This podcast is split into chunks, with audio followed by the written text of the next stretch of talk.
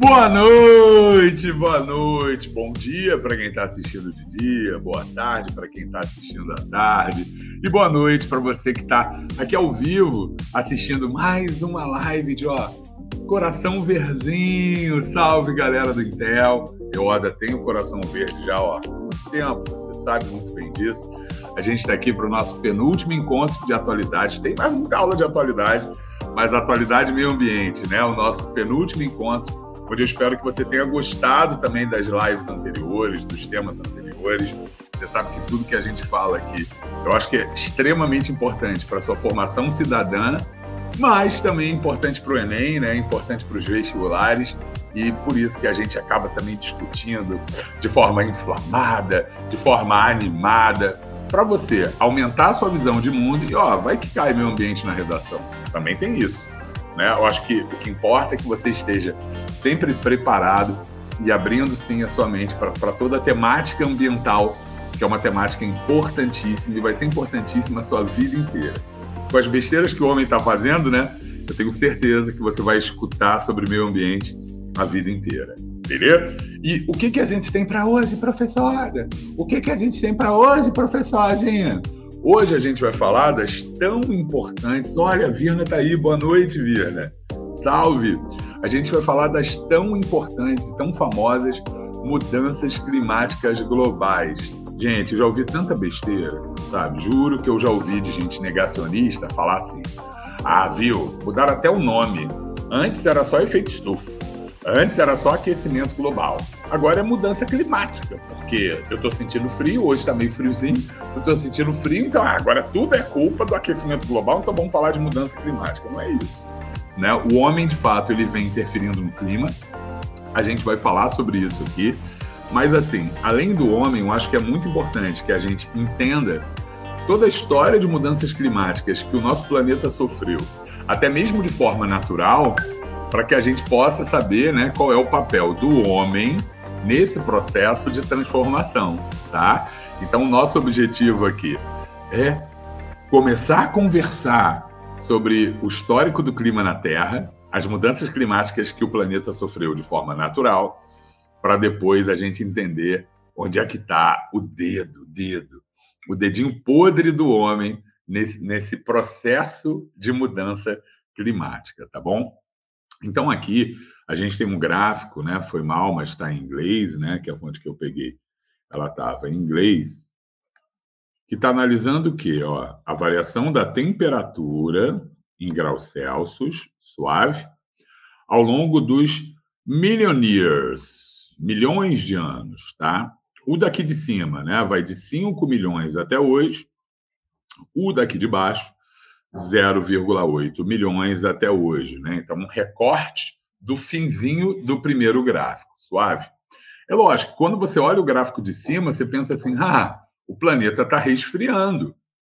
Né? O planeta está resfriando. E lógico, se a gente pensar né, na formação do planeta Terra, que era uma esfera, uma bola incandescente, o planeta gradativamente ele vem sofrendo um processo de resfriamento e era esperado que de fato isso acontecesse. Concorda comigo? Agora, quando a gente analisa o último milhão de anos, que seria esse processo aqui, ó, né, que está expandido aqui para baixo, a gente observa, né, que houve uma grande flutuação da temperatura ao longo do tempo e que assim a espécie humana, ela está no planeta daqui para cá. A gente surgiu há cerca de 500, 400 mil anos atrás, tá bom? De lá para cá. E é óbvio né, que quando a gente fala da interferência humana no tempo e no clima do planeta, a gente está falando principalmente do século XVIII para cá, a gente está falando principalmente dos últimos 300 anos, beleza? Ai, desculpem, ainda falei besteira, isso aqui é milhões de anos.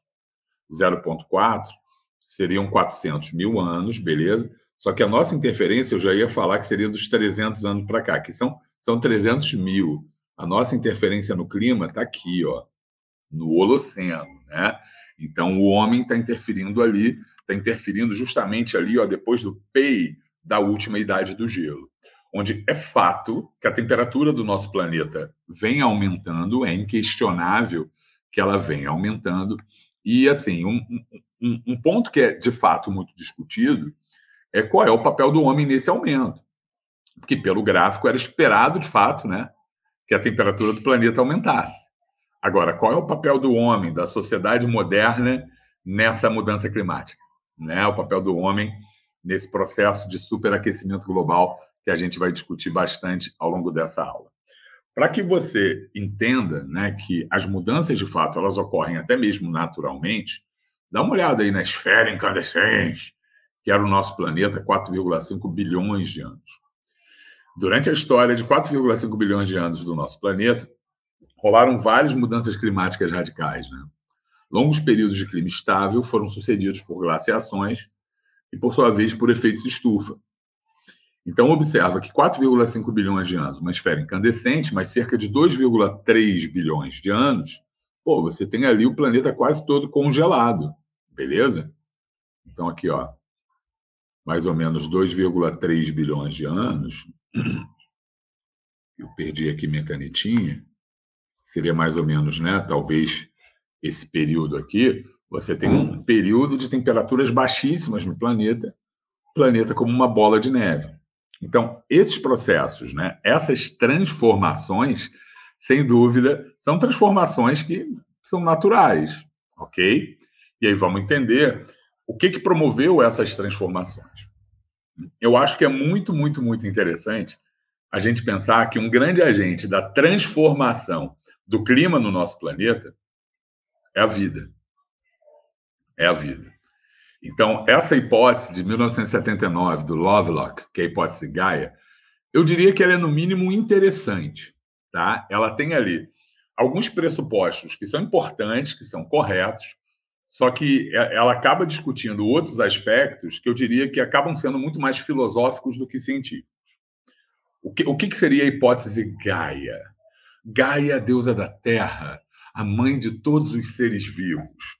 Eu lembro que quando eu era moleque, eu adorava, lógico, biólogo, né?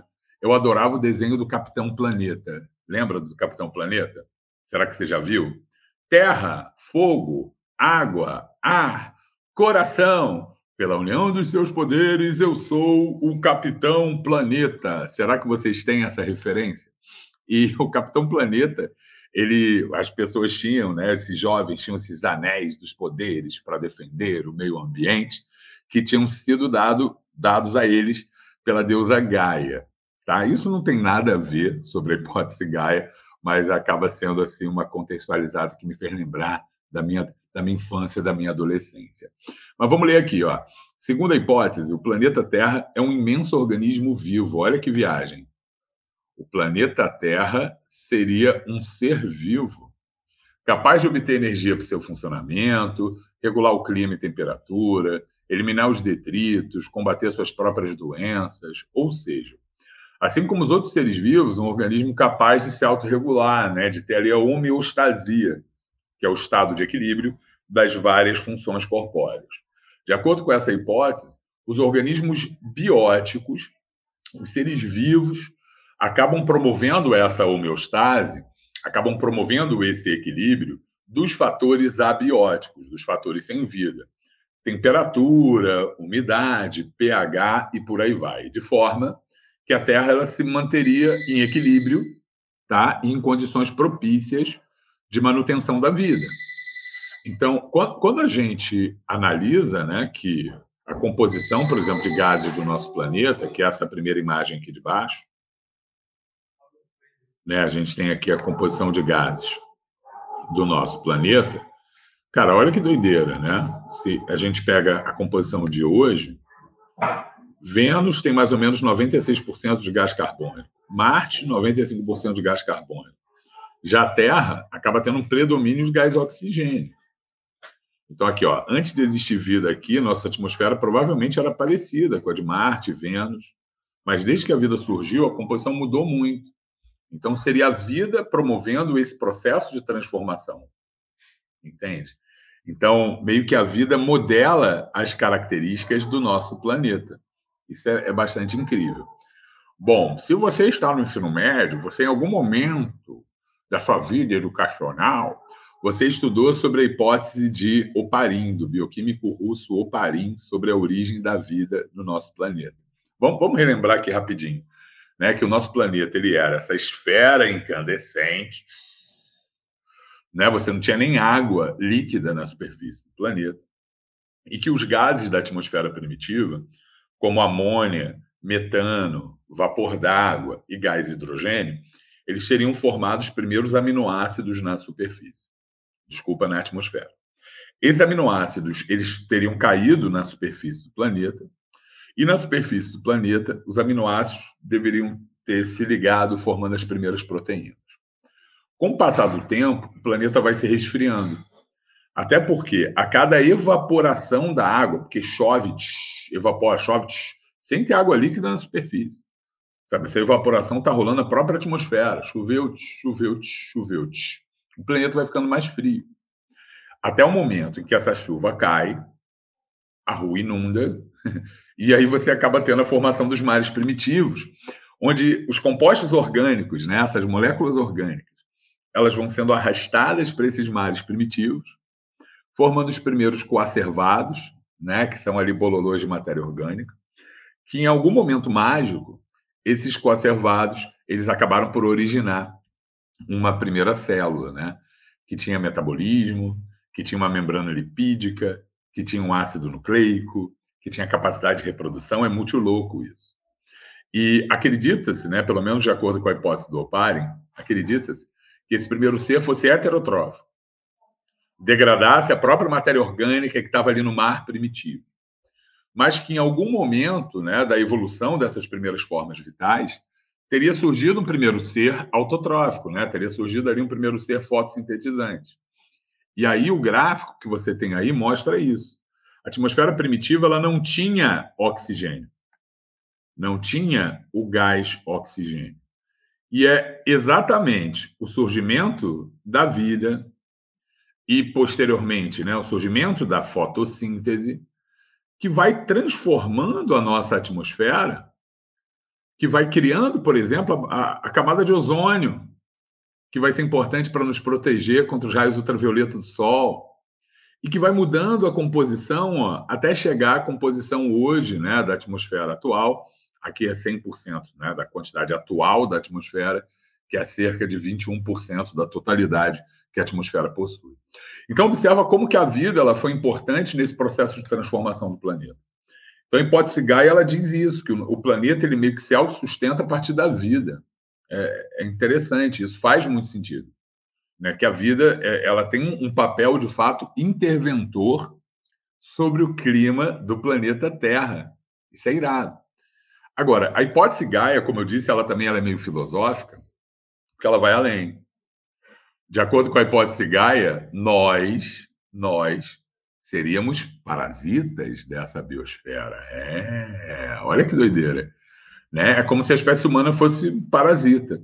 E aí, nessa comparação, é como se o superaquecimento global, o efeito estufa, ele fosse uma febre do planeta Terra, na tentativa de expurgar o parasita, o parasita que é a gente. Quando eu estava pesquisando essas imagens para colocar aqui sobre a hipótese Gaia, achei até textos falando a pandemia de Covid de acordo com a hipótese Gaia. Né? Como se as pandemias, é uma loucura isso, né? mas como se as pandemias fossem mecanismos de autodefesa de Gaia, do nosso planeta, para tentar eliminar seu parasita, que é a espécie humana. Olha que viagem. E aí, como eu disse, a gente acaba indo muito mais para o âmbito da filosofia do que da biologia propriamente dita. Mas que é interessante pensar né, no homem como um parasita da biosfera eu acho que é bastante interessante. Continuando aqui esse nosso bate-papo, qualquer dúvida é só mandar, tá? Manda aí pelo chat que o Odinha conversa com você. Eu acho também que é muito maneiro a gente pensar que agora está todo mundo preocupado com aquecimento global, aquecimento global, e é para estar preocupado mesmo, né? não sou eu que vou, vou negar. Mas durante a nossa história de 4,5 bilhões de anos, a gente teve vários momentos de glaciação, né? A gente teve um montão de glaciação. Então, vou contar aqui algumas histórias né, de glaciação. E, assim, uma coisa que é fato, gente, é que vai ter glaciação, entre aspas, daqui a pouco. Ué, Oda, mas você não está preocupado com aquecimento global? Tô. Porque se daqui a pouco, né, da próxima glaciação, pode ser daqui a 100 mil anos, pode ser daqui a 500 mil anos. Né? Isso se, se o homem deixar em relação ao superaquecimento global que ele vem causando.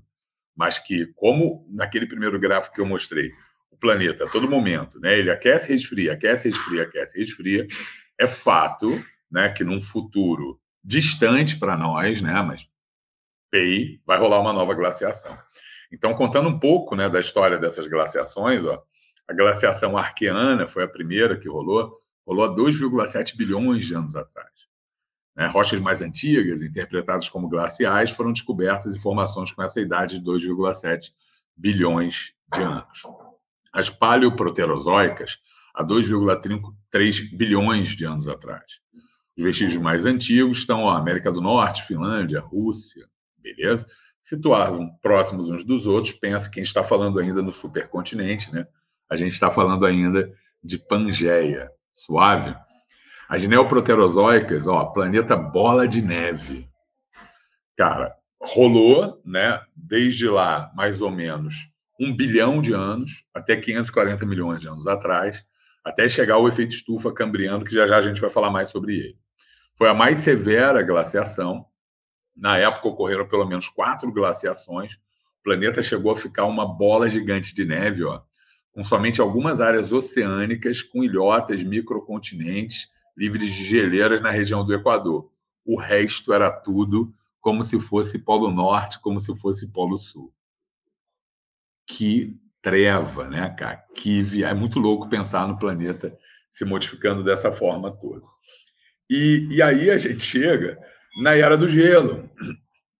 Na Era do Gelo, que todo mundo já deve ter visto, do Cid, dessa preguiça doida, daquele esquilo maluco, do mamute, né? Porque essa última glaciação que rolou, olha ali, gente, 10 mil anos atrás. 10 mil.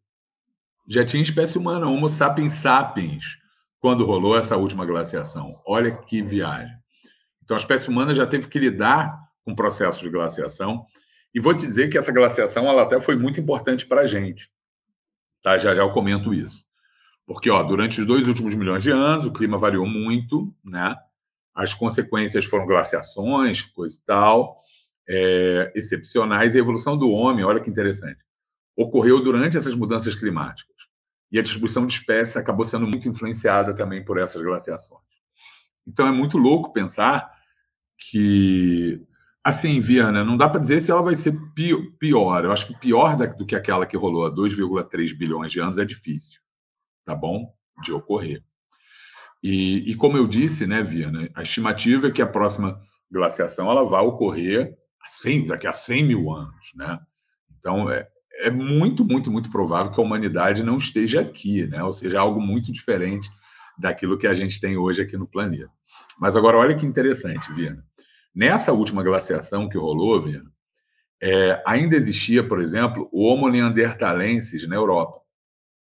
Existia o Homo neanderthalensis existia o Homo sapiens.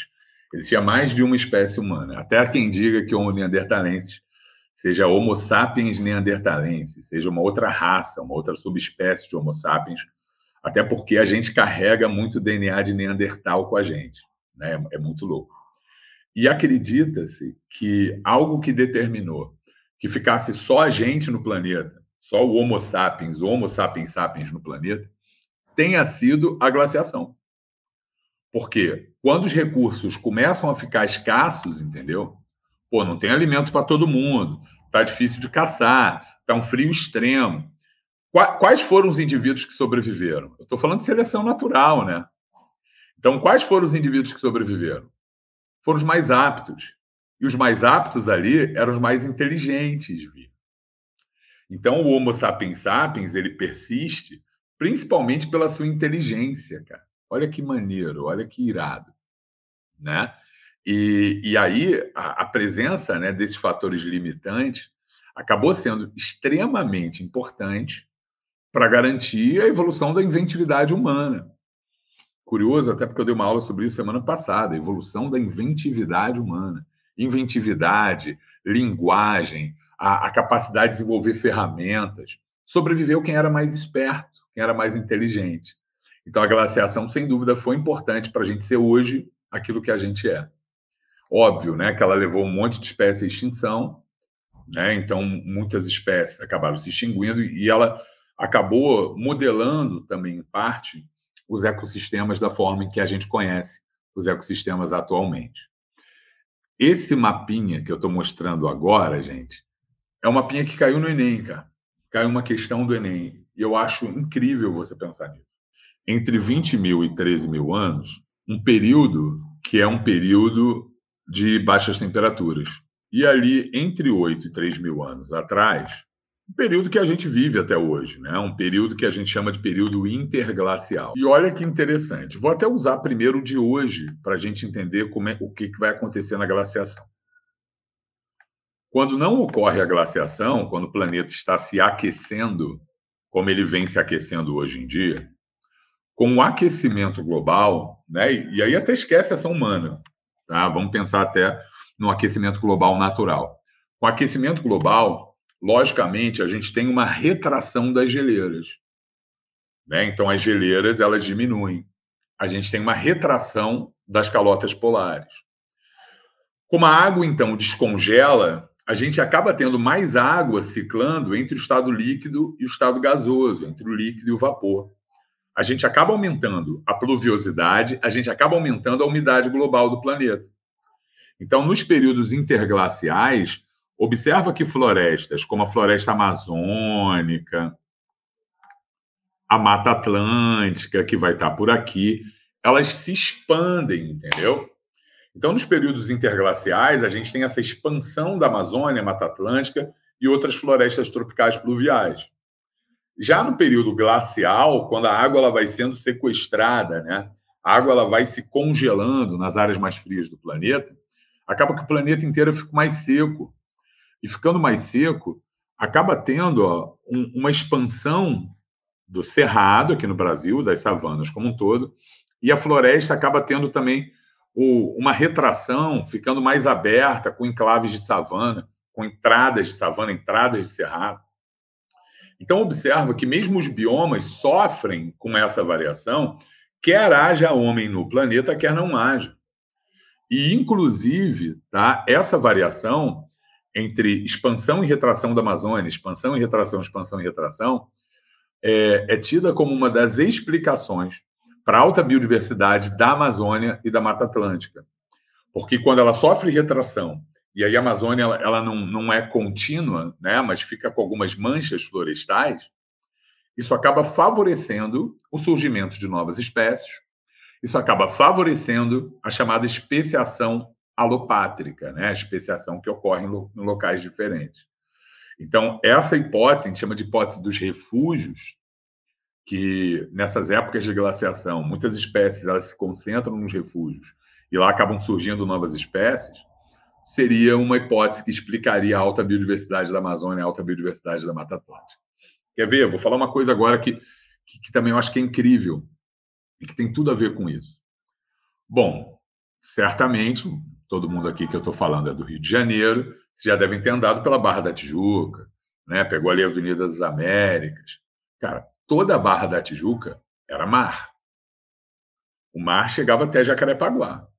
Eu não estou falando de 1900, gente. Eu estou falando de 10 mil anos atrás. Tá? Então, eu estou falando que há 10 mil anos você tinha ali um mar avançando para caramba. O que, que aconteceu? Com a última glaciação, esse mar ó, regrediu. E aí, com a regressão do mar que rolou na última glaciação há 10 mil anos atrás, você acabou tendo ali a exposição de uma grande faixa de areia. E essa faixa de areia gradativamente foi sendo ocupada por espécies de Mata Atlântica, formando o bioma que a gente conhece como restinga. Né? Então, o solo da barra inteira, barra, recreio, é um solo arenoso, que era mar. Não sei se você conhece a Pedra de Itaúna, tem até um condomínio ali, Pedra de Itaúna, tem a Escola Parque, que fica do lado. Ah, eu já trabalhei lá por, por um, tempo. A Pedra de Itaúna, você olha para a Pedra de Itaúna, que fica na Avenida das Américas, tá? na Barra Quase Recreio. Você olha, dá para ver que ela tem cara de ilha. Tem aqui, até aquele cocôzinho de, de ave marinha assim em cima, tem cara de ilha, aquela bromélia presa. Por quê? A Pedra de Itaúna era uma ilha que nessa última glaciação, quando tem a regressão do mar, ela acaba virando uma montanha, acaba virando um morrinho, entendeu? Irado. Então, hoje, quando a gente fala que ah, o, mar, o nível do mar está subindo, superaquecimento, sim, o mar, o mar está retomando um espaço que um dia já foi dele. Interessante, né? Que viagem. E aí, gente, a gente vai sair nessa passagem aí de 500 milhões de anos atrás. A gente vai sair de uma última glaciação e vai chegar em um processo que a gente chama de explosão do Cambriano. Eu acho incrível também essa história da vida no planeta, a história da explosão do Cambriano. Deixa eu ler aqui rapidinho com vocês para vocês entenderem o que foi isso. A mudança climática mais drástica no passado geológico ocorreu há 540 milhões de anos atrás, na transição neoproterozoico para o Cambriano. Durante as glaciações, os mares absorveram grande quantidade de CO2, os continentes estavam todos juntos. No período Cambriano, esse supercontinente começa a se fragmentar, começa a ter erupção vulcânica para caramba, gases hidrotermais, PEI, gerando um efeito estufa. Então, estou falando aqui de um efeito estufa, de um agravamento mesmo do efeito estufa, rolando há cerca de 500 milhões de anos. Olha que viagem. A temperatura vai aumentando, o nível do mar vai, vai subindo, novos mares rasos começam a banhar o litoral, o CO2 tá, acaba formando carbonato, gerando rochas, e aí a vida, gente, ela acaba encontrando, graças a esse efeito estufa natural, ela vai encontrando ali um substrato fértil para poder proliferar, entendeu? Então, sem o efeito estufa, não existiria a vida do planeta da forma que a gente conhece hoje. E aí, para você ter uma ideia, gente, nessa explosão do Cambriano, existiam mais filos animais do que a gente encontra hoje no planeta. Quando você estuda os filos animais, poríferos, quinidários, plateumintos, nemateumintos, anelídeos, moluscos, artrópodes, equinodermos, cordados, existiam mais filos no Cambriano. E todos os filos, todos os filos de animais surgiram mais ou menos nessa época. Então teve ali um boom evolutivo, graças a, a esse efeito estufa que foi benéfico, né, nesse ponto de vista, uma vez que ele permitiu é, as condições ideais para essa proliferação excessiva da vida nesse ambiente aquático, beleza? Então, a explosão do Cambriano, conforme eu estava dizendo para vocês, foi uma enorme diversificação da vida que rolou no Cambriano. Surgiram todos os filos modernos, artrópode, braquiópode, tchutchu. E aqui tem alguns exemplos, né, que parece que saiu de, de filme de animação, sei lá, da Marvel. O Anomalocaris, que seria esse primeiro aqui de cima, camarão anômalo, temíveis predadores da sua época, aterrorizaram os mares por milhões de anos, comendo todos os seres pequenos que pudessem agarrar. Alguns desses incríveis seres podiam atingir 70 centímetros. Pensa no camarãozão né, de 70 centímetros e eram gigantes para a época. Os opabines são ali de baixo, olha que, que bicho bizarro. Tinham cinco olhos enfileirados na frente da cabeça. Uma carapaça rígida, não tinham pernas, 8 centímetros de comprimento e tinha uma tromba com garra que conseguia pegar as presas, né, cara? É, é muito louco. Então, isso é para você ter uma ideia que no Cambriano, sabe, a vida, ela pei, explodiu. E aí você pode se perguntar, né? Pode, entendi, né, cara? A vida explodiu ali. Agora, por que, que esses, esses bichos não estão até hoje por aí no planeta, né? O que, que aconteceu com muitos desses filos que não existem ainda? A resposta é extinção.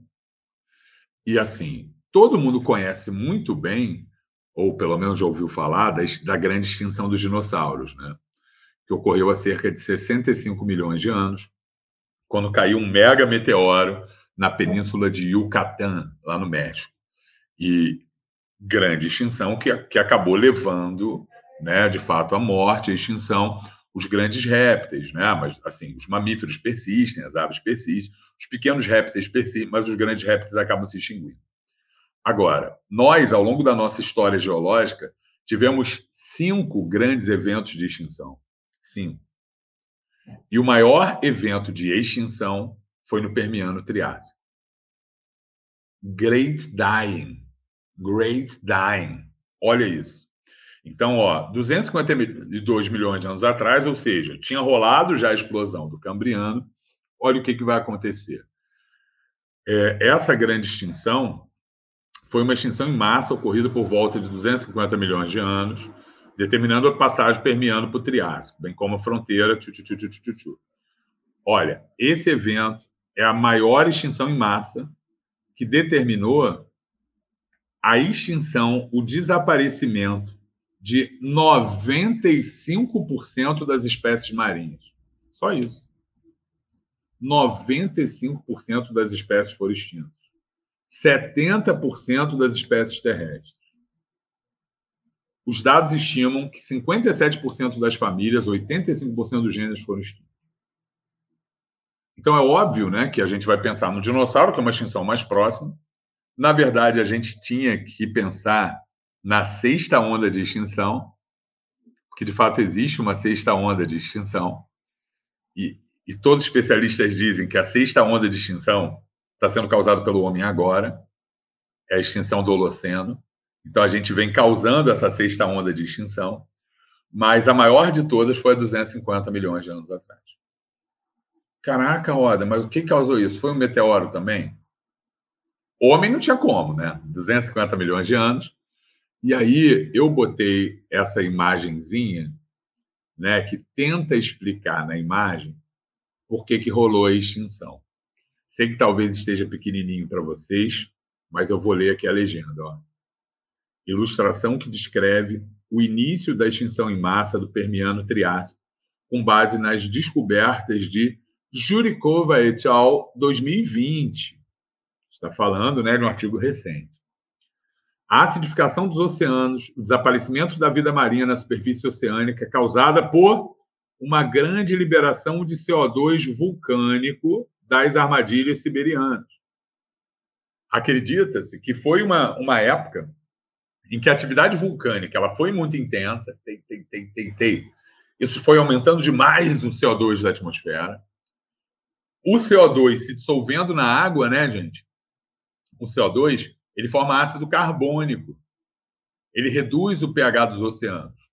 E aí, com essa mudança drástica do pH e da temperatura da água, 95% das espécies vão se extinguindo.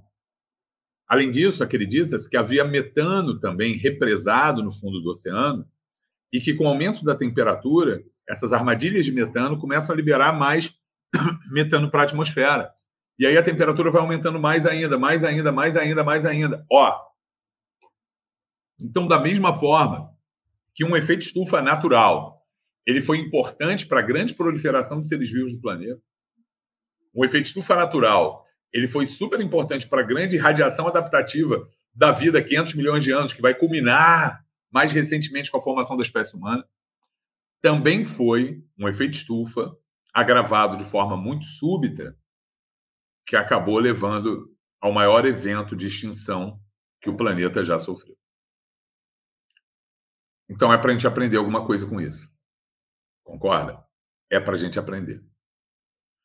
Porque agora sim a gente vai chegar no nosso efeito estufa. Agora sim a gente vai chegar no nosso agravamento do efeito estufa, né? no nosso superaquecimento global. Porque agora, minha escala de tempo, ó, segue aqui de 800 mil anos para cá, mas com um recorte bem claro da ação do homem atual. Da ação de um homem que, desde os 1700 e pouco, primeira revolução industrial, máquinas a vapor, carvão mineral, depois petróleo, vem mais do que dobrando a quantidade de gás carbônico da atmosfera.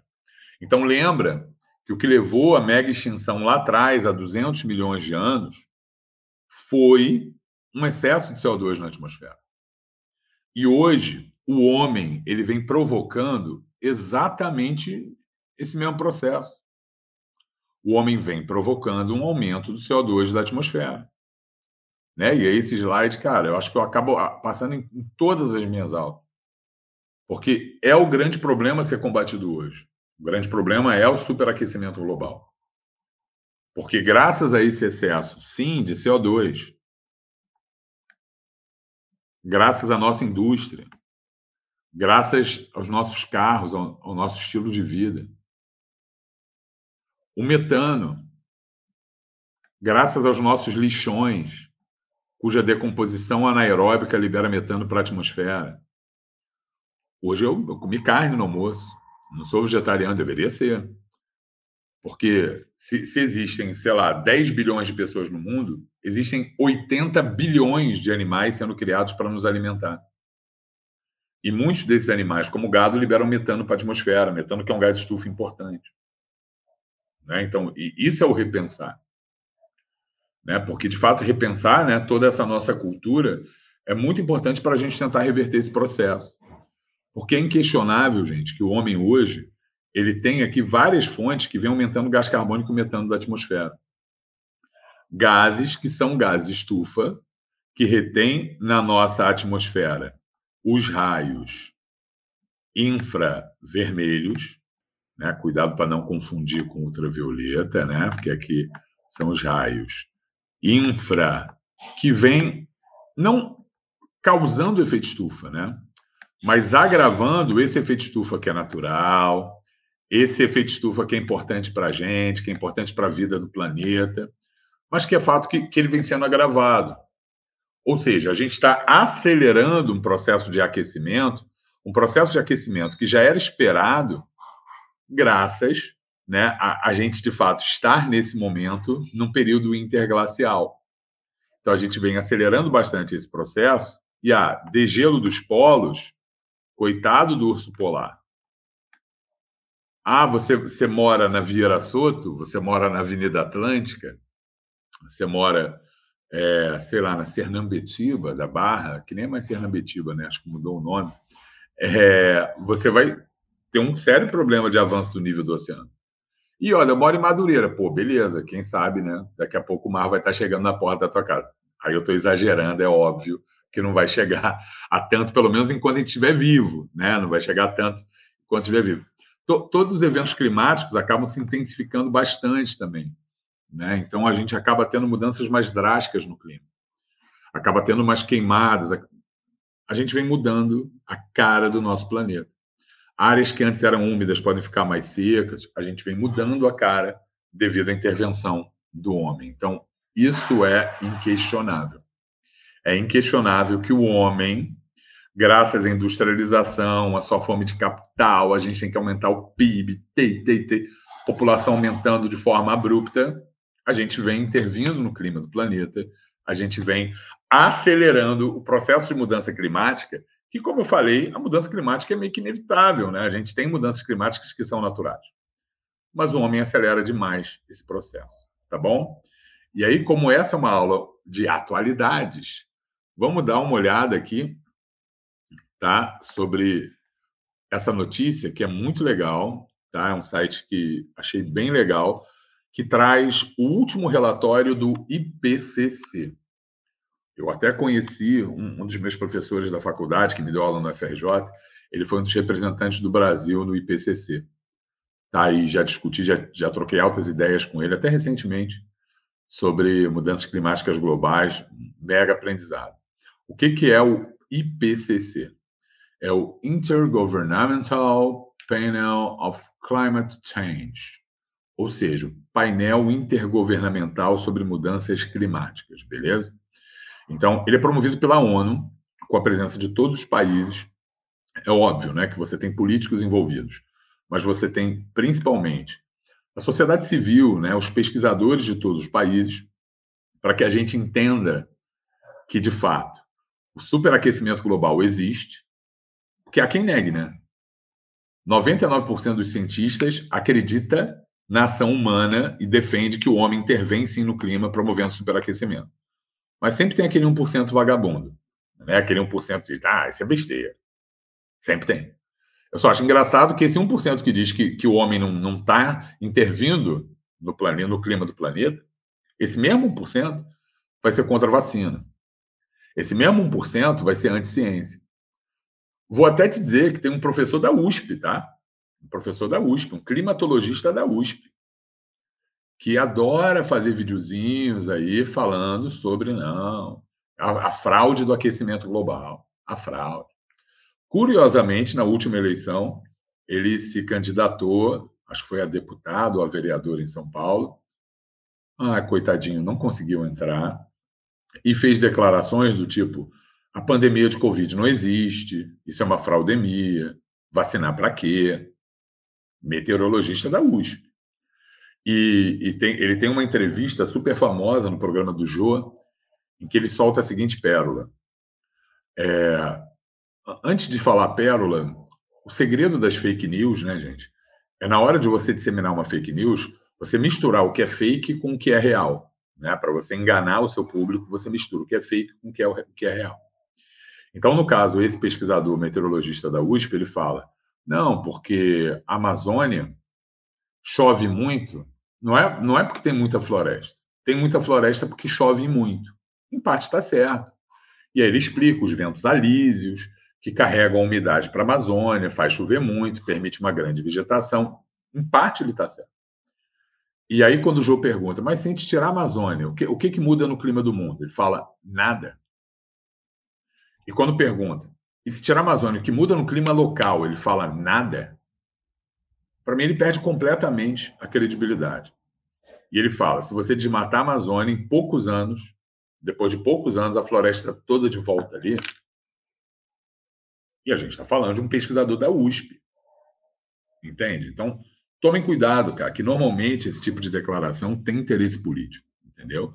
Mas assim, eu te garanto, e sempre que você tiver em dúvida, eu acho que é meio que dever cidadão, você vai lá no Google, abre o Google, você digita Scholar, S-C-H-O-L-A-R, Scholar, talvez, acho que tem dois anos, não sei. E, e aí você vai abrir o Google Scholar, que é só com periódicos científicos. E aí você busca aí nos textos científicos, sabe, global warming, é, greenhouse effect, que é o efeito estufa, e vê o que você vai encontrar em 99,9% dos textos produzidos por cientistas do mundo inteiro, entendeu? Então acreditar no tio do WhatsApp que aquecimento global não existe, tá? E querer refutar 99,9% dos pesquisadores mundiais, eu acho forte demais, tá bom? Então, olha essa notícia aí, né, de agosto desse ano. As manchetes recentes relacionadas ao clima extremo parecem ter saído de um livro de ficção científica. Mesmo os países mais ricos do mundo não conseguem controlar incêndios generalizados que estão queimando até o Ártico. Inundações mortais na Alemanha e na Bélgica, tá ligado, né? Rolou recentemente. Destruíram completamente edifícios e carros e mais de mil pessoas continuam desaparecidas. Centenas morreram em enchentes na China, noroeste dos Estados Unidos, conhecido pelo clima frio, alcançou mais de 38 graus Celsius por vários dias. O Ártico perdeu uma área de gelo marinho equivalente ao tamanho da Flórida, só entre junho e julho desse ano. Então é isso. Então, mediante essa realidade, tá, o IPCC ele destacou cinco pontos muito importantes de reflexão e de intervenção para que a gente tente buscar reverter isso aí. Ó reverter isso que, que, ao que tudo indica, é um fato. Será que a gente pode limitar o aquecimento global, limitar a 1,5 graus Celsius até 2100? Então, assim, a gente vai continuar tendo aquecimento global, a gente vai continuar superaquecendo o planeta.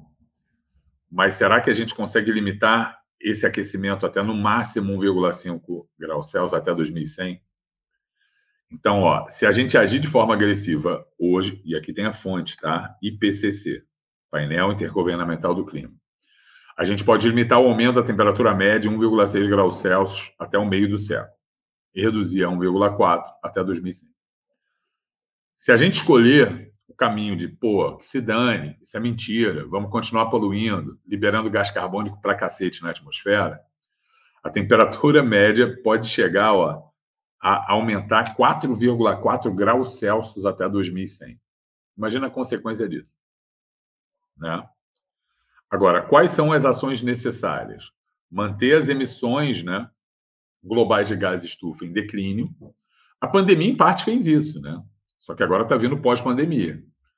Não sei se vocês estão vendo. Crise do petróleo, petróleo aumentando, talvez falte petróleo aqui, aqui no Brasil. Por quê? Está todo mundo querendo voltar a produzir, produzir, produzir loucamente. Faz sentido? Faz. A gente quer voltar a ter pleno emprego, quer voltar a aumentar o PIB. Mas qual é o custo disso? Entendeu? Sem dúvida, um custo importante é o custo ambiental. Né? Alcançar emissões líquidas zero até metade do céu. O que é emissão líquida zero? É saber que você vai estar emitindo, mas você também vai estar fixando carbono, por exemplo, aumentando o reflorestamento. Então, são cinco as medidas propostas, tá? No relatório do, do IPCC. A gente vai, então, até o fim da live, explicando quais seriam essas cinco medidas. De boa? Primeiro, ó, estamos a caminho de atingir 1,5 de aquecimento, como eu já disse. Nos cenários estudados pelo IPCC, há mais de 50% de chance que a meta de 1,5 seja atingida ou ultrapassada entre 2021 e 2040. O período de 2021 a 2040 é uma década anterior ao intervalo estimado uh, pelo IPCC no relatório especial, devido a estimativas maiores de aquecimento histórico e de aquecimento futuro de curto prazo. Em um cenário de altas emissões, o mundo atinge o limite de 1,5 graus ainda mais rapidamente. Se o mundo seguir um caminho de alto carbono, né, isso aqui, putz, vai subir até 5,7, acima de nível pré-industrial do final do século, e para colocar isso em perspectiva, o mundo não experimentou um aquecimento global de mais de 2,5 nos últimos 3 milhões de anos. É a gente ter uma inflexão daquela curva, né, um aumento da temperatura, que a gente não experimentou nos últimos 3 milhões de anos. Ou seja, isso é inédito para a espécie humana, que a gente está fazendo. É inédito para a ocupação humana na superfície do nosso planeta. E aqui tem imagenzinha bacaninha, né, mostrando qual é a ação climática ambiciosa, vamos colocar painel solar, vamos tentar diminuir a pressão de consumo, diminuir o consumo de carne, diminuir nossa pegada ecológica, né? Pegada ecológica é bem bacana. Existem sites que você calcula a sua pegada ecológica com, com base nos seus hábitos de consumo. Bacana, a gente consegue evitar o superaumento. Mas se a gente mantiver né, os meios produtivos poluindo da forma que polui hoje, a gente não consegue evitar e a gente está entrando, de fato, num caminho meio sem volta. Suave? Vamos, então, para o ponto 2. Ponto 2 é limitar o aquecimento global a 1,5 graus Celsius até o fim do século ainda está ao alcance, mas requer mudanças transformadoras. Né? Eu acho que isso é bem óbvio. Então, ó, por outro lado, se o mundo tomar medidas muito ambiciosas para conter as emissões na década de 20, que é aqui a gente está, a gente ainda pode limitar o aquecimento a 1,5 graus. O cenário inclui um pico potencial de 1,6, mas depois uma, uma reversão, tá bom? Mudanças de pequena escala não serão suficientes. A gente precisa de ação rápida e grande transformação. Ação rápida em quê? Padrão de consumo, formas de geração de energia, mobilidade urbana, né? forma em que a gente maneja o solo, combater queimada na Amazônia, Pantanal, Mata Atlântica, tudo isso.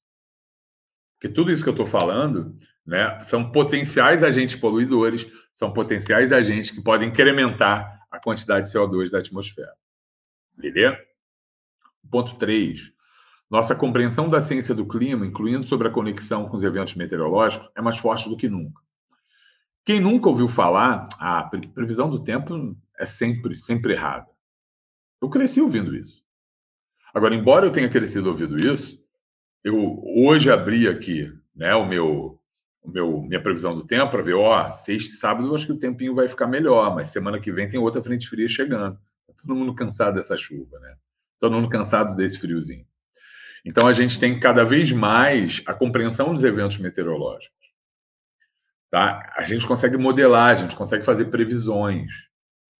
Então, essa modelagem, de fato, é muito importante, até para que a gente possa ter um papel de intervenção se a gente modela e a gente enxerga aquilo que, que a gente não quer. Né? A gente enxerga um aquecimento muito maior do que aquilo que a gente, de fato, gostaria que houvesse.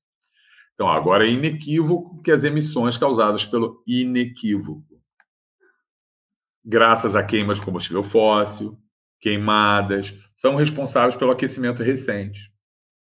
O IPCC concluiu que menos de 0,1 grau Celsius se deve a forças naturais. Beleza? Isso se relaciona com eventos extremos. Se relaciona né, com uma aceleração do movimento das massas de ar, que pode levar à formação de furacões. Se relaciona, ó, risco de incêndio, no Mediterrâneo, Estados Unidos, Austrália, eventos de calor extremo que vem gerando incêndios. E um ponto importante, gente, que às vezes as pessoas ignorantes falam assim: ah, mas hoje eu estou sentindo frio. Se hoje eu estou sentindo frio, como é que, que existe o superaquecimento global? Gente, é muito importante que vocês entendam a diferença de clima com tempo, né? Se a gente está falando de clima, a gente está falando da temperatura média de uma dada região, da umidade média, de uma, da pluviosidade média de uma dada região ao longo do tempo. Tempo que a gente tem hoje. É óbvio que um dia pode ser mais frio, mas se você pegar as temperaturas médias do Rio de Janeiro, gente, sabe, sei lá, do Ártico, da Austrália, as temperaturas médias vêm aumentando. Tá? Então não, não se deixe enganar quando alguém falar, ah, mas hoje foi o dia mais frio dos últimos 10 anos. Sim, mas pega a primavera desse ano e compara com as últimas 50. Vê se de fato ela foi a mais fria. Entende? Então é muito importante que haja esse tipo de leitura por vocês, que são pessoas educadas e que são alfabetizadas cientificamente. O quarto ponto é que as mudanças que a gente está vendo já são precedentes, né? já impactou todas as regiões da Terra. A gente não está apenas quebrando recordes de aquecimento, né? mas o mundo ele está se transformando. Então aqui, pô, você tem uma imagenzinha bonitinha, né, do que, que a gente está fazendo. Ó, recuo das geleiras, última década mais quente do que qualquer outro período dos últimos 125 mil anos. Tudo isso é dado, gente. Não é, invent... não é o que eu acho, é que meu tio do WhatsApp mandou. Nível do mar aumentando mais rápido do que qualquer século dos últimos 3 mil anos. Cobertura de gelo do Ártico de verão menor do que em qualquer período dos últimos mil anos. Aquecimento rápido do oceano. Acidificação dos oceanos no nível mais alto dos últimos 26 mil anos. Isso degrada exoesqueleto calcário de carbonato, concha de molusco, carbonato de coral. Tudo isso vem ocorrendo devido à ação humana. Tudo isso vem ocorrendo devido à ação antrópica. Então é, é meio que desanimador, né? Analisar assim é meio trash, é meio trevas, é meio que desanimador. E o quinto ponto, né? E desculpa até pelo slide gigante, mas você está vendo que eu estou cortando né, alguns, algumas informações para ser mais objetivo. Cada fração de aquecimento leva a impactos mais perigosos e custosos. Ah, mas se a gente não aumentar 2 graus, aumentar 1,5. Pô, é, é uma mega vantagem. Ah, e se aumentar 2,5? Ah, mas só um grauzinho a mais. Os impactos são, são muito maiores. É assim, aumentou só um grauzinho a mais, o, o impacto não vai ser tanto assim. Então, o relatório, deixando minha canetinha aqui, ele traça o perfil das consequências do aquecimento. Cada fração de aquecimento realmente importa. Intensidade de precipitação extrema, seca extrema, perda de gelo e de neve, né? A questão da irreversibilidade. Espécies que são extintas não vão voltar os oceanos acidificados vão, podem gerar de novo um evento de extinção, como eu falei, a sexta onda de extinção, como a que rolou lá né, no Permiano Triássico. Então, o relatório conclui que a chance de exceder os pontos de não retorno, como aumento do nível do mar devido ao colapso da camada de gelo, não pode ser excluída de um planejamento futuro. Então, a gente está tendo que lidar, lidar com a crise. A gente está fazendo gestão de crise. O derretimento vai redefinir litoral em vários. Tem ilha que vai sumir, gente. Tem ilha do Pacífico que vai sumir com superaquecimento global. Tá aí, ó. Hoje eu recebi uma promoção de viagem para as Maldivas, tá? Passagem só 4.500. Aproveita enquanto existem Maldivas. Daqui a pouco pode estar tudo debaixo d'água, tá? O relatório também conclui que os nossos preciosos sumidores de carbono, terra e oceano, estão em grande risco, tá? Em alguns cenários emitidos pelo IPCC, a Terra deixa de ser um sumidor de carbono e acaba se transformando em uma fonte. Cara, isso aí é um relatório recente que mostra, por exemplo, que a Amazônia ela pode estar deixando de ser estoque de carbono e pode estar liberando mais CO2 para a atmosfera do que conseguindo fixar. Então aí é um caminho sem volta. Que aí é um efeito bola de neve. Aquela bola que começa a descer a montanha pequenininha mas que vai crescendo, crescendo, crescendo, crescendo, crescendo, crescendo. Quando você vê, você já está correndo, não tem mais para onde fugir, sabe? Acabou, você vai morrer. Tá? Então, esse efeito bola de neve, a gente está muito próximo de chegar. A gente está muito próximo de chegar de um ponto que não tenha mais virada, não tenha mais retorno. Daí a importância de relatórios como esse do IPCC para que as autoridades, a sociedade civil possa pressionar, sim, os governantes para que a gente evite que as mudanças climáticas globais sejam ainda mais drásticas do que elas vêm, vêm é, sendo né, nos últimos 100 anos, principalmente devido ao crescimento da nossa população. Tá bom? Eu sei que o cenário ele é meio desalentador, né? A gente fica meio desanimado. Pô, Adin, agora? O que a gente vai fazer? Sei lá, cada um vai fazer a sua parte. Mas principalmente pressionar os governos, né? Para que a gente tenha uma política pública de conservação, sem dúvida, é bastante importante. Tudo bem? Bom, espero que vocês tenham curtido, né? Foi um papo legal em que a gente falou da história das mudanças climáticas no nosso planeta, não foi só coisa ruim, para a gente entender melhor, né? Toda a diversidade da vida que a gente tem aqui no planeta Terra, o finzinho que é meio trevas, assim, ai, mas o homem está fazendo tanta cagadinha, tanta besteirinha, mas é isso. O nosso papel aqui é esclarecer, porque conhecendo, eu acho que a gente tem mais chance de pressionar, tem mais chance de intervir, né? E, e que dessa forma a gente lute sim por um planeta melhor para todos nós. Beleza? Então é isso, meus queridos. Deixa aqui meu beijo para todos. Espero que você tenha gostado. Galera que assistiu depois também, qualquer coisa, comenta, que o Adinha vai ler. E a gente se encontra. Mês que vem tem a última live, hein? Não vai perder. Beleza? Beijão. Tchau, tchau.